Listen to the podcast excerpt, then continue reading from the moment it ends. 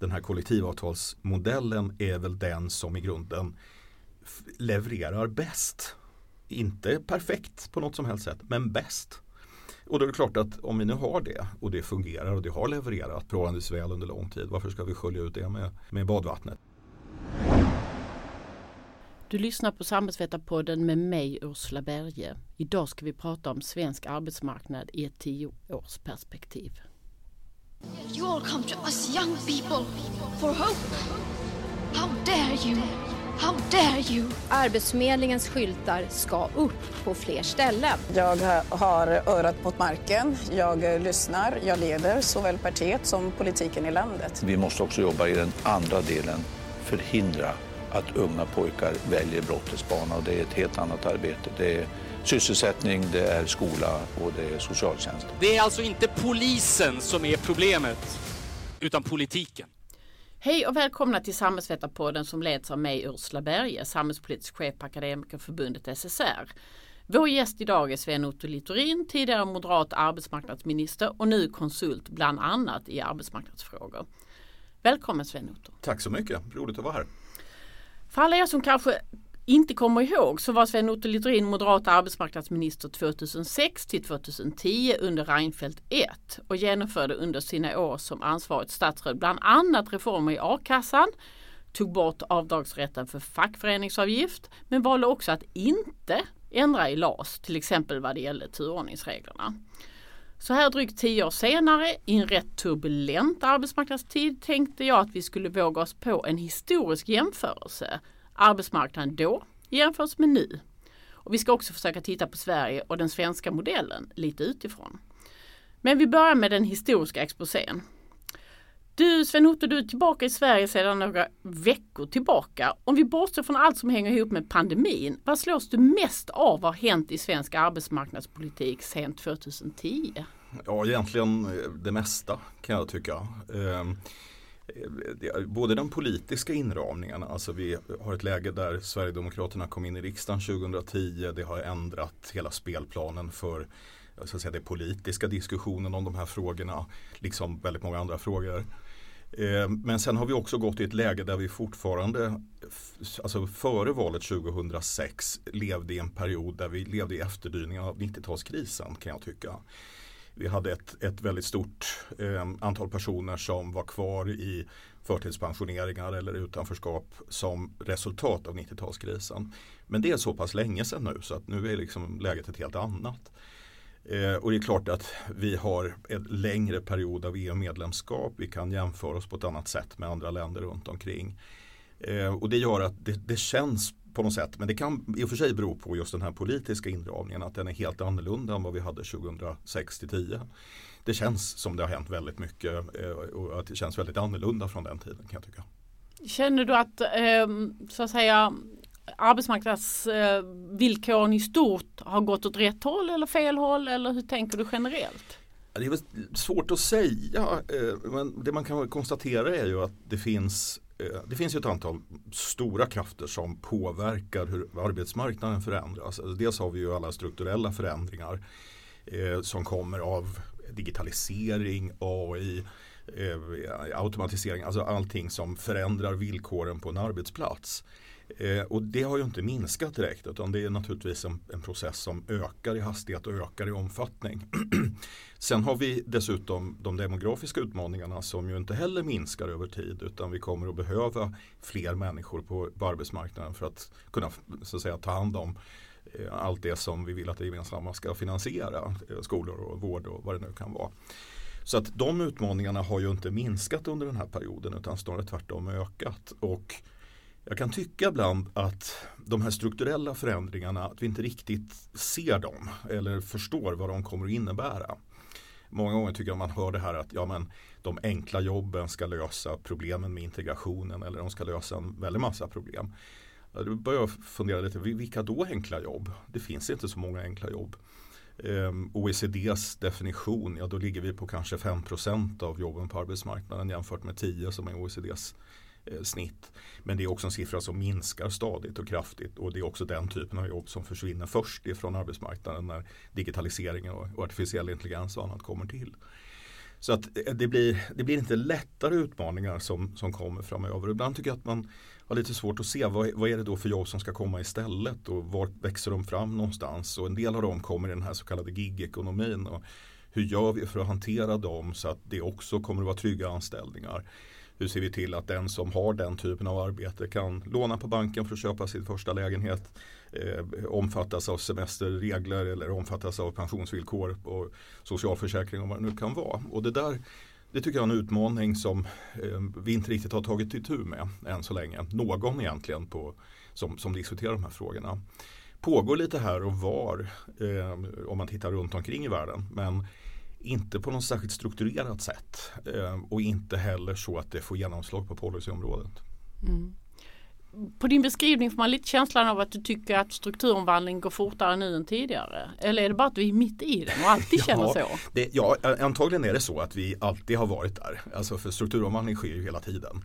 Eh, och vi har ju alltid haft en, en, hög produktivitetsutveckling i Sverige som vi ska vara tacksamma över. Och det, I det ligger ju också en, en strukturomvandlingsfaktor.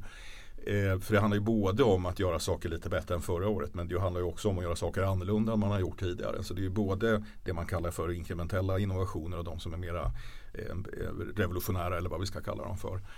Eh, och, och, det är klart att man kan inte bortse från att varje kris man går igenom eh, oavsett om det är Lehman Brothers eller om det är covid-19 sätter ju ljuset på en del av de här och, och, och liksom bryter av och snabbar på eller förändrar de här utvecklingstendenserna. Och, och, det måste man försöka förhålla sig till. Och är det någon kritik jag kan ha mot en del av parterna på arbetsmarknaden så kan det ju vara att det, det, är väldigt lätt att man tar parti för det man, det man redan har. Alltså de medlemmar man redan har. Det är helt naturligt att man gör det. Det är liksom kärnuppdraget. Men att man också i samband med att man gör det ibland förlorar perspektivet. Ja, men de medlemmar vi ännu inte har eller som de jobb som ännu inte finns. Hur hanterar vi dem? Och på vilket sätt kan vi få dem att bli en, en, liksom en bra del av arbetsmarknaden? Eh, och det är lika mycket kritik både mot arbetstagarorganisationer och som arbetsgivarorganisationer och de som finns i det politiska världen. Därför att väljarna finns ju här idag. Man tar ju sällan hänsyn till väljare som finns någon annat val när man inte själv är med. Va? Så det är, ett, det är ett generellt problem och vi vet vad vi har men inte riktigt vad som kommer efter. Mm. Om vi tänker på arbetsmarknaden som eh, det politiska slagfältet, hur har det förändrats? Om det har förändrats? Ja, jo, det är klart att eh, Sverigedemokraternas intåg och det som så småningom blev januariavtalet har ju jag ska säga att det var, det var lite enklare 2006 eh, om jag ska säga så. Då, då var det, det var ju samma typ av konfliktyta någonstans som vi har haft under hela efterkrigstiden. Så är det ju inte idag utan där har vi ett januariavtal. Eh, vi hade dessförinnan decemberöverenskommelsen.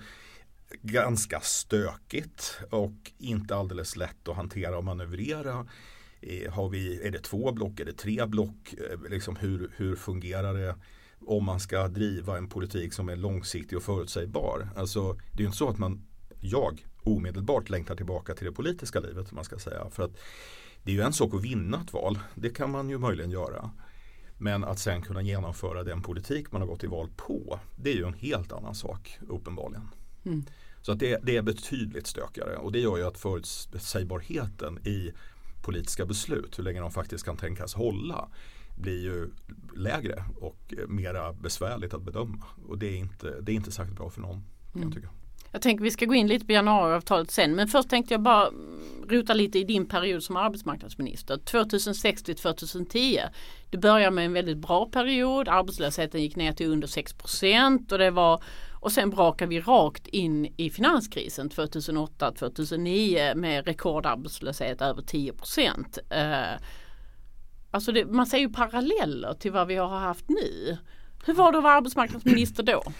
Ja, alltså jag kommer ihåg, eh, det var ju precis i början på den mandatperioden när vi gjorde alla förändringar i a-kassan och arbetslöshetsförsäkringen och, och även på Arbetsförmedlingen så, så var det ju rätt mycket protester och rätt mycket liksom, eh, det, var, det var en hög energinivå eller hur jag ska uttrycka det. Men sen just 2008 på sommaren kommer jag ihåg att LO-tidningen hade flera uppslag om hur bra det gick på svensk arbetsmarknad. Vi hade rekord i antalet arbetade timmar, vi hade rekord i, i arbetskraftsdeltagande, arbetslösheten sjönk eh, snabbare än i något annat OECD-land och så vidare. och Så vidare. Så att jag var väldigt glad och nöjd i tre veckor. Eh, sen kraschade Lehman Brothers. Och då var det ju bara att göra, göra om igen va? Eh, och konstatera att vi hade varselnivåer då på uppemot 20 000 per månad. Va? Så vi var ju tillbaka i 90-talssiffror. Och det var ju naturligtvis fruktansvärt. Ehm, eh, väldigt jobbigt på alla sätt och vis. Fördelen då var att vi hade så pass gott utgångsläge att vi kunde, krisen blev ju lika djup som den förmodligen hade blivit under alla omständigheter. Men det gick lite fortare att komma tillbaka eh, än vad det kanske annars hade gjort. Eh, och det gjorde att vi redan 2000, ja, slutet på 9 och, och 2010 kunde se att det såg lite bättre ut och det gick lite bättre. Och det gick ju framförallt bättre för Sverige än det gjorde för väldigt många andra länder.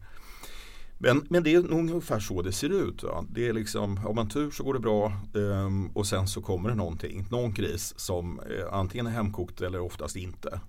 Uh, och så får man hantera den. Det är ju inget annat att göra. Det är liksom, att tro att man kan bli arbetsmarknadsminister och det bara är solskensdagar. Det är så nej. Så är det inte. Jag kommer ihåg när jag avgick så var jag äldst i tjänst av EUs alla då 27 arbetsmarknadsministrar. Det är rätt hög omsättningshastighet på dem.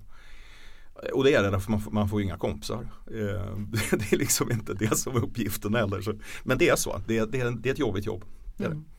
Hur tänker du att Eva Nordmark har det nu?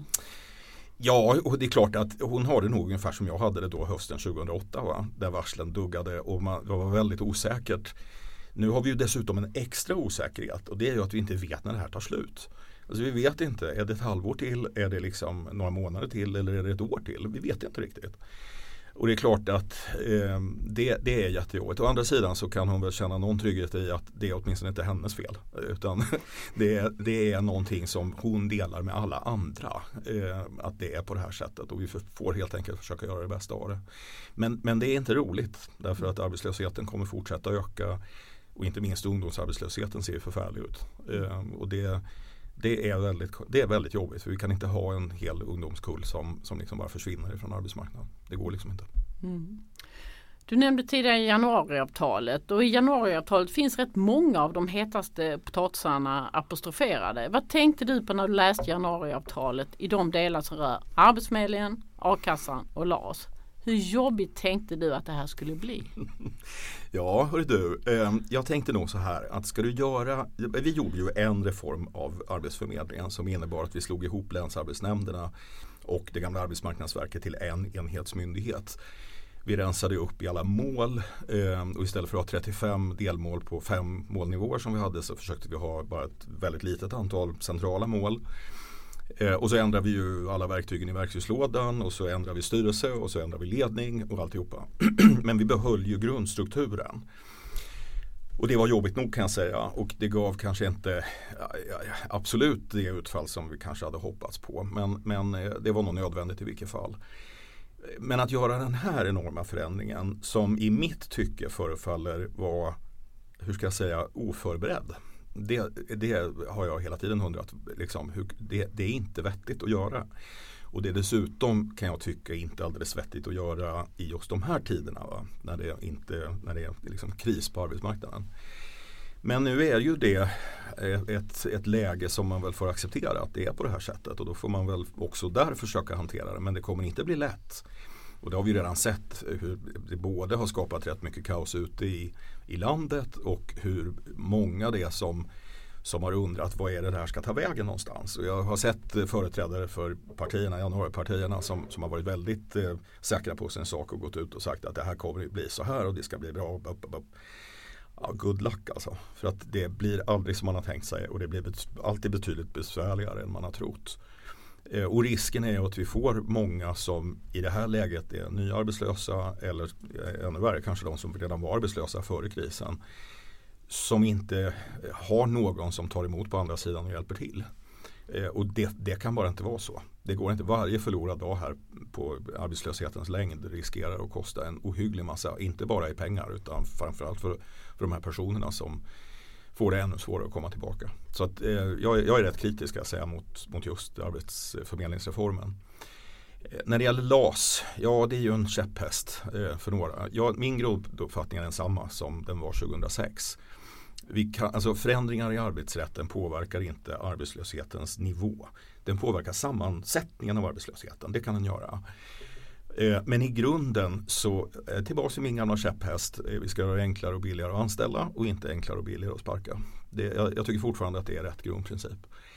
Sen kan det vara så att det här läget när arbetslösheten framförallt för unga tickar upp emot 30 procent att man behöver så att säga, montera bort eh, förutfattade meningar och och titta vad är det vi kan göra inom ramen för det här systemet för att underlätta. Men det är liksom en annan, en annan nivå ändå.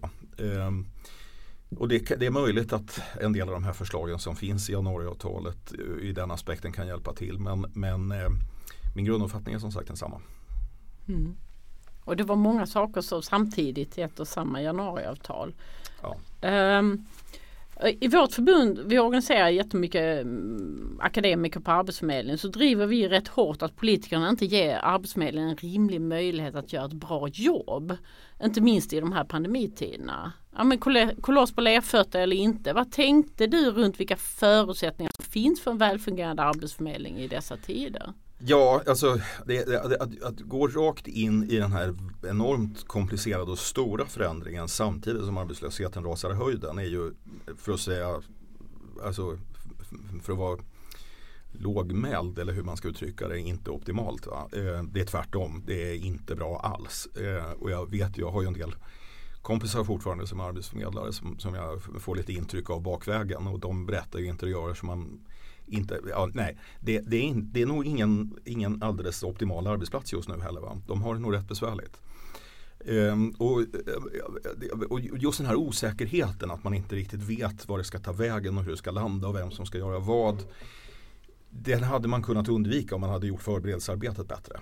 Det, det, kan jag tycka. För att det är möjligt att det var vettigt att göra. Jag, jag tänker så här, om, om vår reform som vi gjorde inte ledde till det önskvärda resultatet. Ja men då kanske, det hade, då kanske det ändå efter ett antal år var rimligt att göra någonting. Men ska man då göra någonting som dessutom är av den kalibern då måste man ha extremt väl förberett hur man ska få det här att fungera efteråt. Annars är ju risken att man kastar upp hela den enda organisation man har i luften. Som sagt en koloss på lerfötter och det, det är inte bra för de tusentals personer som nu är anställda i Arbetsförmedlingen men det är också inte bra för de som behöver den hjälp som som Arbetsförmedlingen har varit de enda som har kunnat ge. Så att, eh, eh, nej, lite bakläxa på det kan jag tycka. Mm. Och du som var minister när den nya Arbetsförmedlingen formerades. Vad tänker du? När vi spelar in det här så, så är det riksdagens öppnande och regeringsförklaringen läses upp och om två veckor kommer det en budgetpropp. Om du skulle lappa och laga här för att rädda vad som räddas kan, vad skulle du göra då? Ja, nu, nu ska jag säga att jag har inte tittat extremt mycket på innehållet eh, under de senaste åren. Men jag skulle nog eh, ta det väldigt försiktigt med att göra så hemskt mycket innan man har, alltså så här, Design thinking är ett begrepp som man använder sig av när man tillverkar bilmotorer och alla möjliga andra saker. Eh, och vad man gör egentligen är istället för att bygga och lappa och laga så börjar man i slutet. Man börjar med vad man vill uppnå och sen går man baklänges i sin designprocess. Och det tycker jag man kan göra i Polos utveckling också. Man börjar med vad är det, vad är det, hur vill vi att det ska funka? Okej, och vad, hur går vi dit? Vilka steg har vi dit? Och så går man baklänges. Och det är klart att då, då kan man inte ha målet som en ideologisk eh, skönmålning någonstans. Det räcker inte som mål utan du måste vara väldigt exakt på hur du vill att det ska fungera. Och så måste man ha så att säga, rätta verktygen för att nå dit. Och det tycker inte jag man har haft. Och jag vet inte hur långt den här förändringen nu har gått. Om det går att göra ett halt för att göra den genomlysningen för att se att man, man verkligen landar rätt. Men det värsta som kan hända just nu det är ju att vi ser arbetslösheten fortsätta öka i spåren av eh, coronan.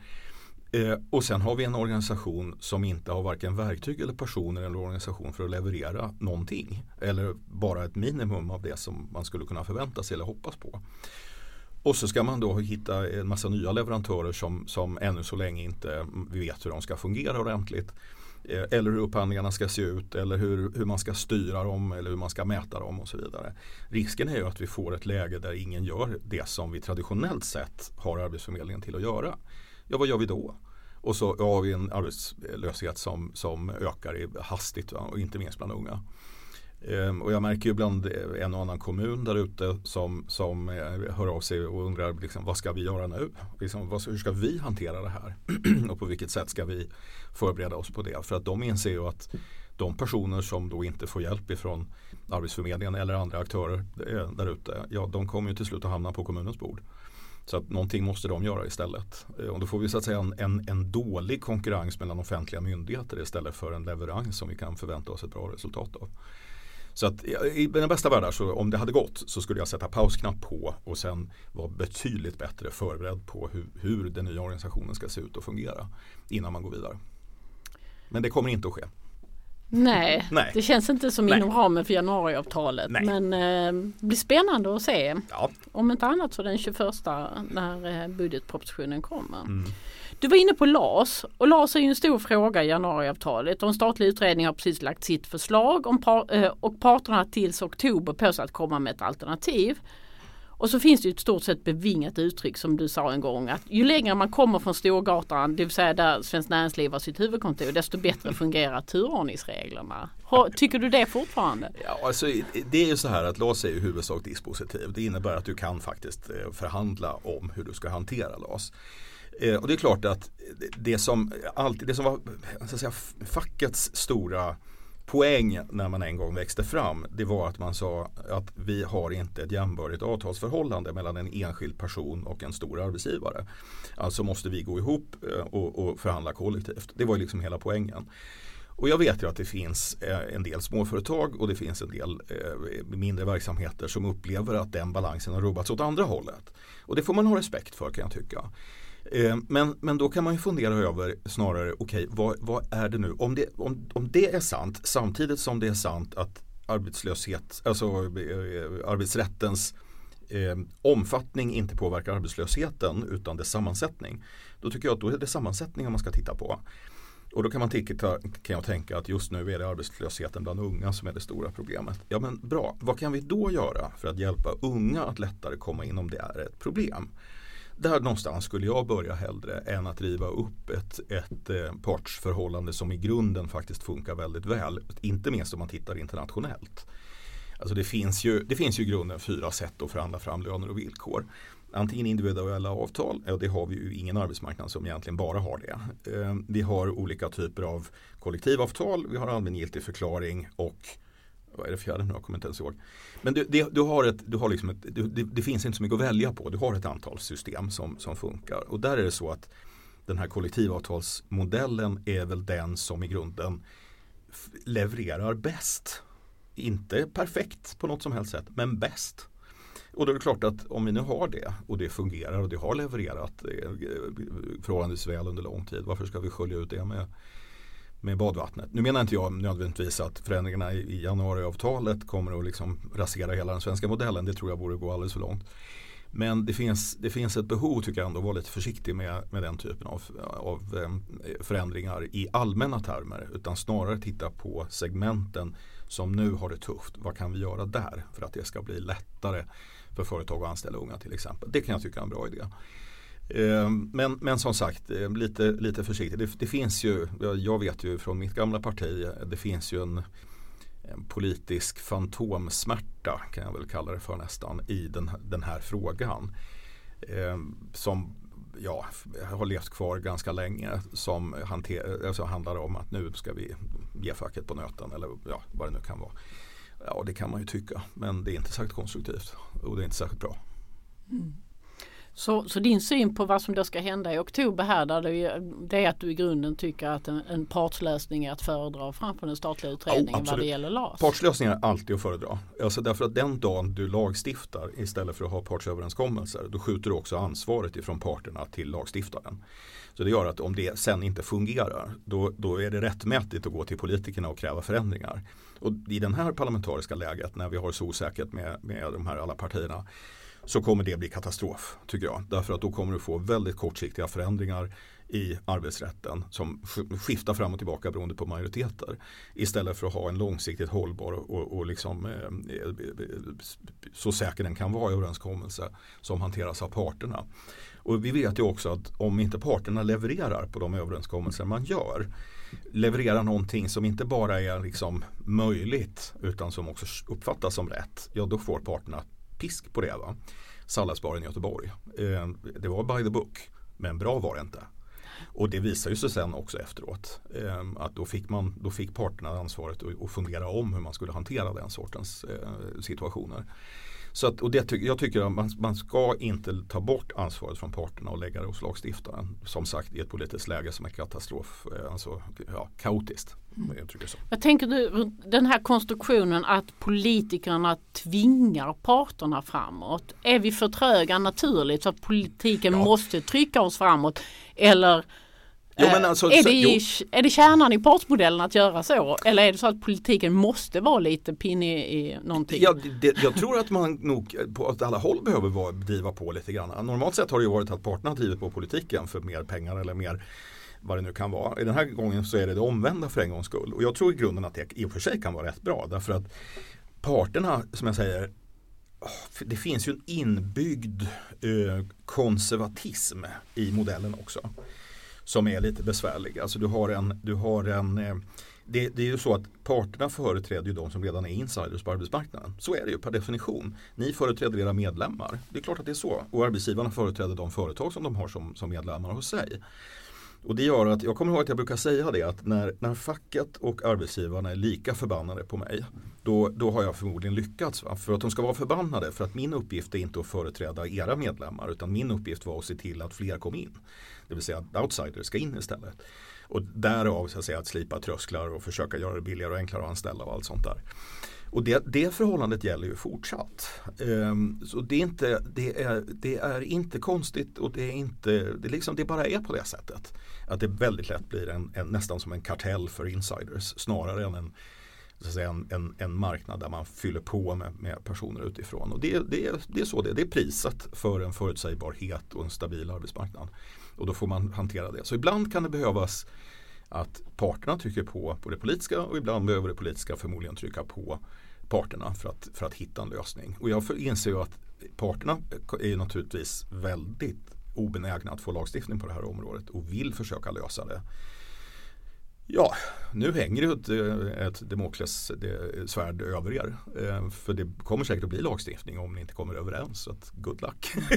Har du bilden att det svärdet hänger lika mycket över facket som över arbetsgivarsidan? Jag har svårt att bedöma det. Eh, om jag ska vara ärlig eftersom jag inte har liksom följt detta dagligdags. Eh, jag, jag, kan tänka mig att eh, facken upplever det som att det hänger lite eh, närmare er och att eh, företagarna tycker, eller närings, Svenskt Näringsliv tycker att det hänger lite mer över dem. För så brukar det vara. Och jag vet inte riktigt vad som är, vad som är en rimlig bedömning. Men, men det hänger nog över er allihopa i alla fall. Det tror mm. jag. Eh, att, under din tid som arbetsmarknadsminister sa du något i stil med att du tyckte den svenska partsmodellen fungerar i huvudsak bra. Det har du också beskrivit här. Och att du inte tänkte rasera den. Men hur var det att ha den åsikten i ditt parti och i alliansregeringen där kanske inte alla tyckte så? Ja, det, det var ju eh, flera gånger vi fick ta rätt ordentliga debatter internt. Va? Eh, därför att det fanns ju, som jag sa, en sån här politisk fantombild eller fantomsmärta i eh, att alla som, som inte tyckte som vi var, ja, hade en dold agenda eller var puckon eller något. Eh, och, men, men det finns inget att göra. Vi försökte ju förklara vad, vad det var som var poängen med det vi höll på med. Och poängen var ju att försöka minska det här så kallade utanförskapet och få fler folk i arbete. Och om man då såg att vi inte kunde uppnå det genom att göra förändringar i arbetsrätten. Varför skulle vi ägna en massa tid åt att ta den konflikten som dessutom inte hade några, några andra vinster i sig annat än tvärtom förluster i att folk upplevde det som att vi ville ha ett osäkrare arbetsliv. Det var ju bara dumheter. Så fokus på bollen och gör de saker som ni, vi då i det här fallet eh, var övertygade om var rätt sätt att hantera grejer på. Och det tarvade ju en och annan förklaring internt va? och resonemang internt. Och, eh, men vi fick ju partistämma och, och så vidare med oss eh, på förändringarna. Eh, ja, det var det vi hade att göra. Mm. Men det, det, är klart att det var, det var ju många gånger och så fort det var någonting som något fackförbund hade gjort eh, som, som väckte uppmärksamhet och var negativt så fick man ju höra det internt. Ja, där ser du. Så, absolut, men det var, det var bara att hålla i. Det var bara att göra. Upplever du att ditt gamla parti fortfarande har den inställningen till partsmodellen eller har, har det förändrats sen du blev mindre aktiv i partiet? Ja, det, det är klart att det är, ju, det är ju lätt att falla tillbaka i gamla vanor. Eh, det gäller ju alla partier. Eh, och många gånger så är det ju så att man bildar sin politiska uppfattning någon gång tidigt i ungdomsförbunden och sådär. Sen så har, har man den med sig. Eh, så den risken finns alltid. Men jag tror ändå att det finns en större förståelse idag och en större acceptans än det gjorde om vi tittar 10, 15, 20 år tillbaka i tiden. Det, det tror jag nog att det gör. Eh, men man behöver nog påminnas om det ibland eh, och resonera lite och, och, och sådär. Och jag tror att vi får väl se vad som händer nu med, med de här LAS-historierna för det kommer säkert att påverka det politiska spektrat även utanför januaripartierna. Eh, hur man uppfattar att parterna hanterar situationen och sådär. Så mm. att eh, det, det, ska bli spännande. Men jag, tror, jag tror som sagt att det är bättre idag än vad det var då 2003 till exempel. Mm. Mycket som står på spel här i LAS-förhandlingarna. Ja det är det faktiskt. Det är spännande. Mm. Eh, jag tänkte vi skulle diskutera lite Sverige i, sådär lite utifrån och du har ju bott utomlands i ett antal år men kom nyligen tillbaka till Sverige och när du tittar på svensk arbetsmarknad eh, och partsmodellen lite utifrån på avstånd från utlandet. Vad tänker du då? Nej, jag tänker att min eh, generella uppfattning har stärkts. Alltså det funkar faktiskt rätt bra om man jämfört med väldigt många andra ställen och länder. Eh, jag har ju då eh, bott och verkat i Saudi, i Saudiarabien i, i några år och vi har haft rätt ordentliga diskussioner just om, om detta, om föreningsfrihet, om rätten att organisera sig och rätten att sluta kollektivavtal och sånt där. Jag har försökt förklara för dem hur det i praktiken funkar. Att det, här, det kommer alltid vara konflikter på arbetsmarknaden mellan den som betalar och den som ska få en lön. Alltså så enkelt är det. Och då kan man organisera det på lite olika sätt. Och min in, grundläggande inställning är att det är bra mycket bättre att ha folk runt ett förhandlingsbord än att ha folk ute och kasta sten på gatorna. Jag menar, I grunden är det så enkelt. Eh, och det har, det har väckt eh, faktiskt en del eh, intresse, eh, till och med i ett sånt land, att det där kanske inte är så tokigt. Eh, för det är, det, det är också rätt förvånande, det är en konsensuskultur i Saudiarabien på ett sätt som jag inte hade begripit innan. Så att det finns liksom en inneboende förståelse för att man sätter sig runt ett bord och pratar ihop sig. Så att eh, man vet aldrig. Nu har man gått igenom alla ILO-konventioner i, i Saudiarabien och tittat på, de har ju inte anslutit sig till så många än så länge. Eh, och framförallt inte till två av de fundamentala, alltså rätten att organisera sig och rätten att sluta kollektivavtal, ILO 87 och 98. Eh, men det kommer de med all sannolikhet ändå att göra. Det kanske dröjer några år nu för den här coronahistorien har, har stökat till det. Men, men det finns en förståelse för och en vilja att göra någonting åt det hållet. Och man kommer att få se dem ratificera flera ILO-konventioner under det år som kommer i alla fall. Eh, så att, och det är, någonting, det är någonting helt nytt därför att de har ju levt i den här amerikanska eh, bilden av hur man ska hålla på och organisera sig och sådär. Det passar ju inte alls deras kultur, inte ett dugg. Mm. Varför är det just de två ILO-konventionerna som i stort sett rör rätten att organisera sig fackligt som de inte har ratificerat? Det är ju inget land i arabvärlden som har gjort det. Ehm, och de har ju, alltså den, den, orsak som finns tror jag man kan vara helt övertygad om. Det är att de har varit rädda för opposition i de här länderna. De har varit rädda för att det här ska bli en plattform för att organisera politiskt motstånd. Eh, och jag har försökt förklara för dem att ja, ja, ja, men det kan ju faktiskt vara precis tvärtom. För opposition kommer ni alltid ha i vilket fall. Är det inte bättre att ni har folk runt ett förhandlingsbord och istället plocka därigenom också in krav på samhällsförändringar som ju ändå kommer, som ändå finns där. Så att det är bättre att organisera sig än att inte organisera sig. Det har liksom varit min, min utgångspunkt. Ehm, och jag har fått faktiskt rätt stor förståelse för det. Ehm, just av det skälet att det är mycket mer konsensuskultur. De är mycket mer lika oss i kynnet än de är lika amerikaner. Ehm, vilket är rätt fascinerande. Det hade jag faktiskt absolut inte trott i förväg.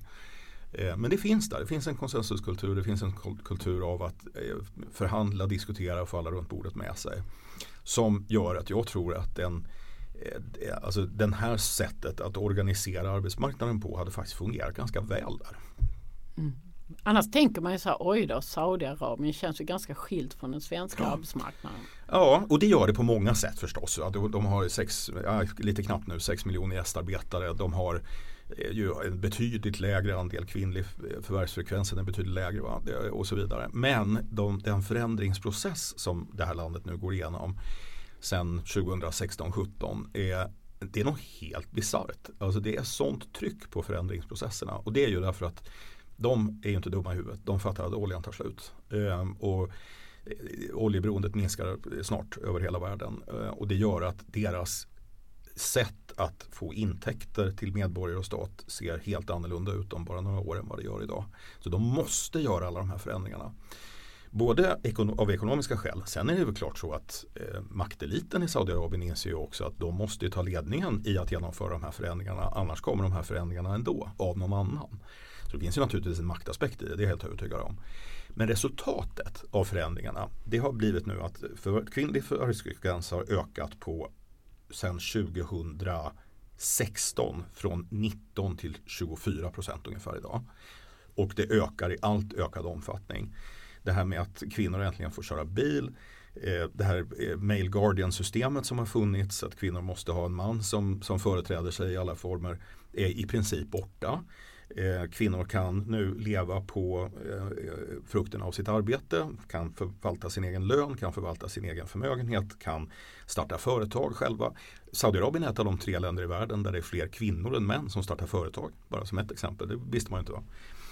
Eh, man tittar över en modern socialförsäkring. Du tittar över eh, föräldraförsäkring. Du har, de har förlängt antalet eh, föräldradagar. Det finns pappadagar i Saudiarabien. Det är du.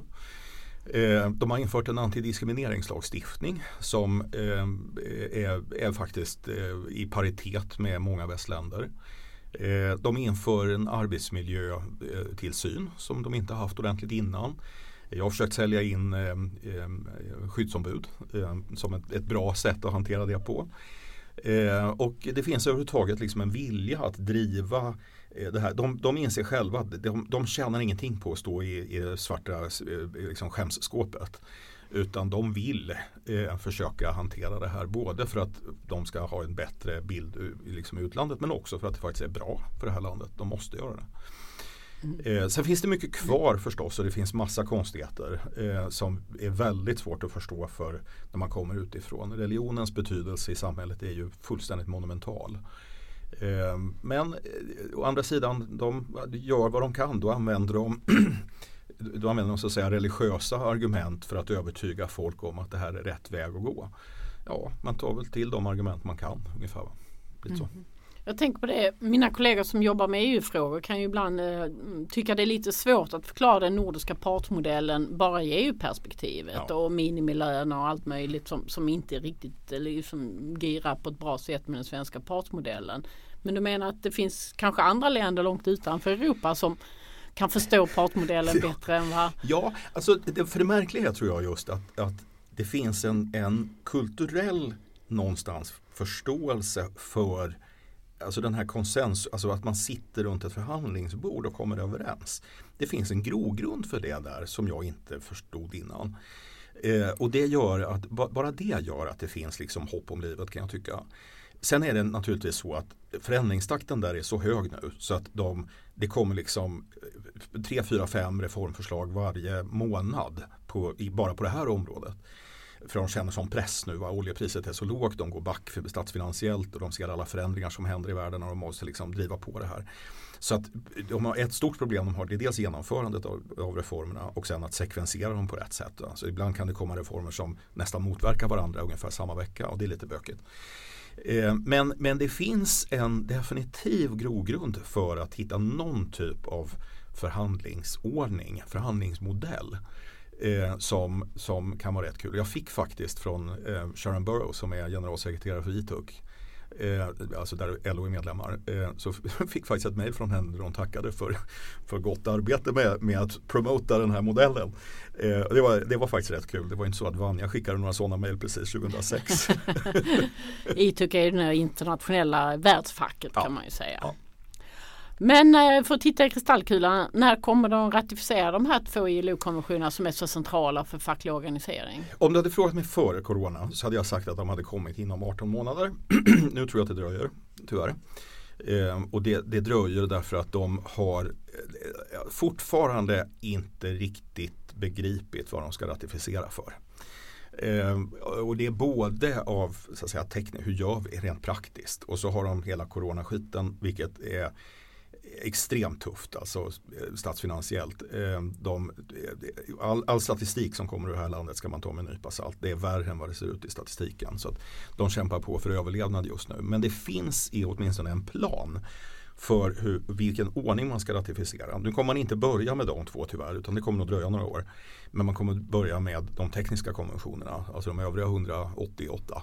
Som man har en, en hitlist på där man har ett gäng som man kan ratificera utan problem redan nu. Du har ett gäng där de måste göra vissa förändringar och sen har du ett gäng som de har svårt att ratificera. Men då brukar jag säga att ja, Sverige har ju ratificerat ungefär hälften av de tekniska ILO-konventionerna. Det viktigaste är att gå på fundamentals, alltså de två kärnkonventionerna som är kvar. Och sen har de någon governance-konvention också kvar. Så att eh, förhoppningsvis så, så, kommer det, men det dröjer tyvärr lite längre nu än vad jag hade trott eh, för ett halvår sedan. Mm. Och då tänkte jag att vi skulle avrunda med lite reflektioner runt eh, arbetsmarknaden i den här pandemin. Eh, vi har ju närmare en halv miljon arbetslösa nu. Vi har närmare en halv miljon som är korttidspermitterade. En miljon personer i arbetsför ålder befinner sig inte på jobbet nu. Har regeringen och januaripartierna gjort rätt? Ja, alltså, ja, i huvudsak faktiskt. Eh, kan jag tycka. Eh, för jag tänker så här, det här är en sån extrem extern chock eh, som nu alla länder runt jorden eh, går igenom. Eh, det, det enda man kan göra är, tror jag, det är att försöka överbrygga den så gott det någonsin går. Eh, och de här permitteringslönerna eh, och annat, det är bra verktyg för att brygga över den här krisen. Jag tycker faktiskt regeringen har, och januaripartierna har gjort i huvudsak bra saker och rätt saker. Eh, ibland har de varit lite sena på bollen och sådär och blivit, varit tvungna att ha några som skjuter på dem och sådär. Men i huvudsak så är det liksom, det finns inte så mycket alternativ. Måste kunna göra det här. Och Sverige befinner sig i ett lyckosamt läge. Vi har ju ändå starka statsfinanser och eh, ganska låg belåning jämfört med väldigt många andra länder. Så är det någon gång vi faktiskt ska låna för att hantera en kris så är det ju nu. Så att nu, nu får man faktiskt ösa på med lite pengar. Det är precis det här man ska samla i ladorna för. Nu blev du riktig keynesian. Nej, alltså, man är realist kan man säga. Nej men alltså det, det, är ju så. Alltså vad ska man göra? Det går liksom inte att spara sig ur en kris som är, är så uppenbart en extern chock eh, som, som det här läget. Nu, nu gäller det att, att överleva så mycket det går och få företagen att och komma tillbaka till något läge där de kan börja återanställa och, och växa igen. Då. Och, ehm, och, och då, då, då, finns det ingen val. Alternativet hade varit just att man inte hade gjort någonting och då hade vi inte haft en halv miljon på korttidspermittering utan vi hade haft en och en halv miljon arbetslösa istället ytterligare. Eller något i den stilen. Mm. Ehm, och det, så ser det ut i många länder. Ehm, och det, alltså när ILO kommer den här rapporten om att en och en halv miljard människor runt världen riskerar sina jobb i, i följden av eh, covid-19 så är det ju inte i de rika västländerna de jobben finns som nu går förlorade utan det är framförallt i tredje världen. Så att den ekonomiska krisen som har följt på hälsokrisen kommer att följas av en humanitär kris i tredje världen eller det vi kallar tredje världen i fattigare länder som kommer att bli fruktansvärd. Alltså det, många hundra miljoner människor riskerar sina liv eh, på grund av svält eh, under de kommande åren. Det kommer att bli fruktansvärt tror jag. Mm. Så att eh, vi ska vara lyckliga i vår del av världen som ändå har möjligheter att göra på och haft ett antal regeringar som sparar i ladorna. Ja, ja, faktiskt. För det är det här man sparar till. Det är mm. precis det här man sparar till. Mm. När, det går, när det går riktigt käpprätt åt helsike utan egen förskyllan. Då, det är då man ska spendera. Ett helt gäng av de här åtgärderna som, som eh, har genomförts har ju sin deadline sista december. Ja, och det är förmodligen så att man får, kommer att behöva förlänga dem ska jag säga. Därför att även, alltså om vaccinet kommer någon gång i början på nästa år så kommer det ta ett tag innan det har verkat igenom eh, och det har distribuerats och, och liksom man kommer tillbaka till ett normalläge. Så att jag tror man får räkna med åtminstone ett halvår, kanske till och med ett år extra. Det tror jag man får liksom utgå ifrån. Mm. Och det tycker jag är rätt att göra. Det finns inget alternativ. Som sagt, det är det här vi har sparat till. Tack Sven Otto. Tack så mycket. Det var allt från Samhällsvetarpodden den här veckan. Samhällsvetarpodden görs varannan vecka och fångar upp stora samhällspolitiska frågor. Du hittar oss där du hittar andra podcasts. Samhällsvetarpodden görs av Akademikerförbundet SSR, Sveriges ledande samhällsvetarförbund.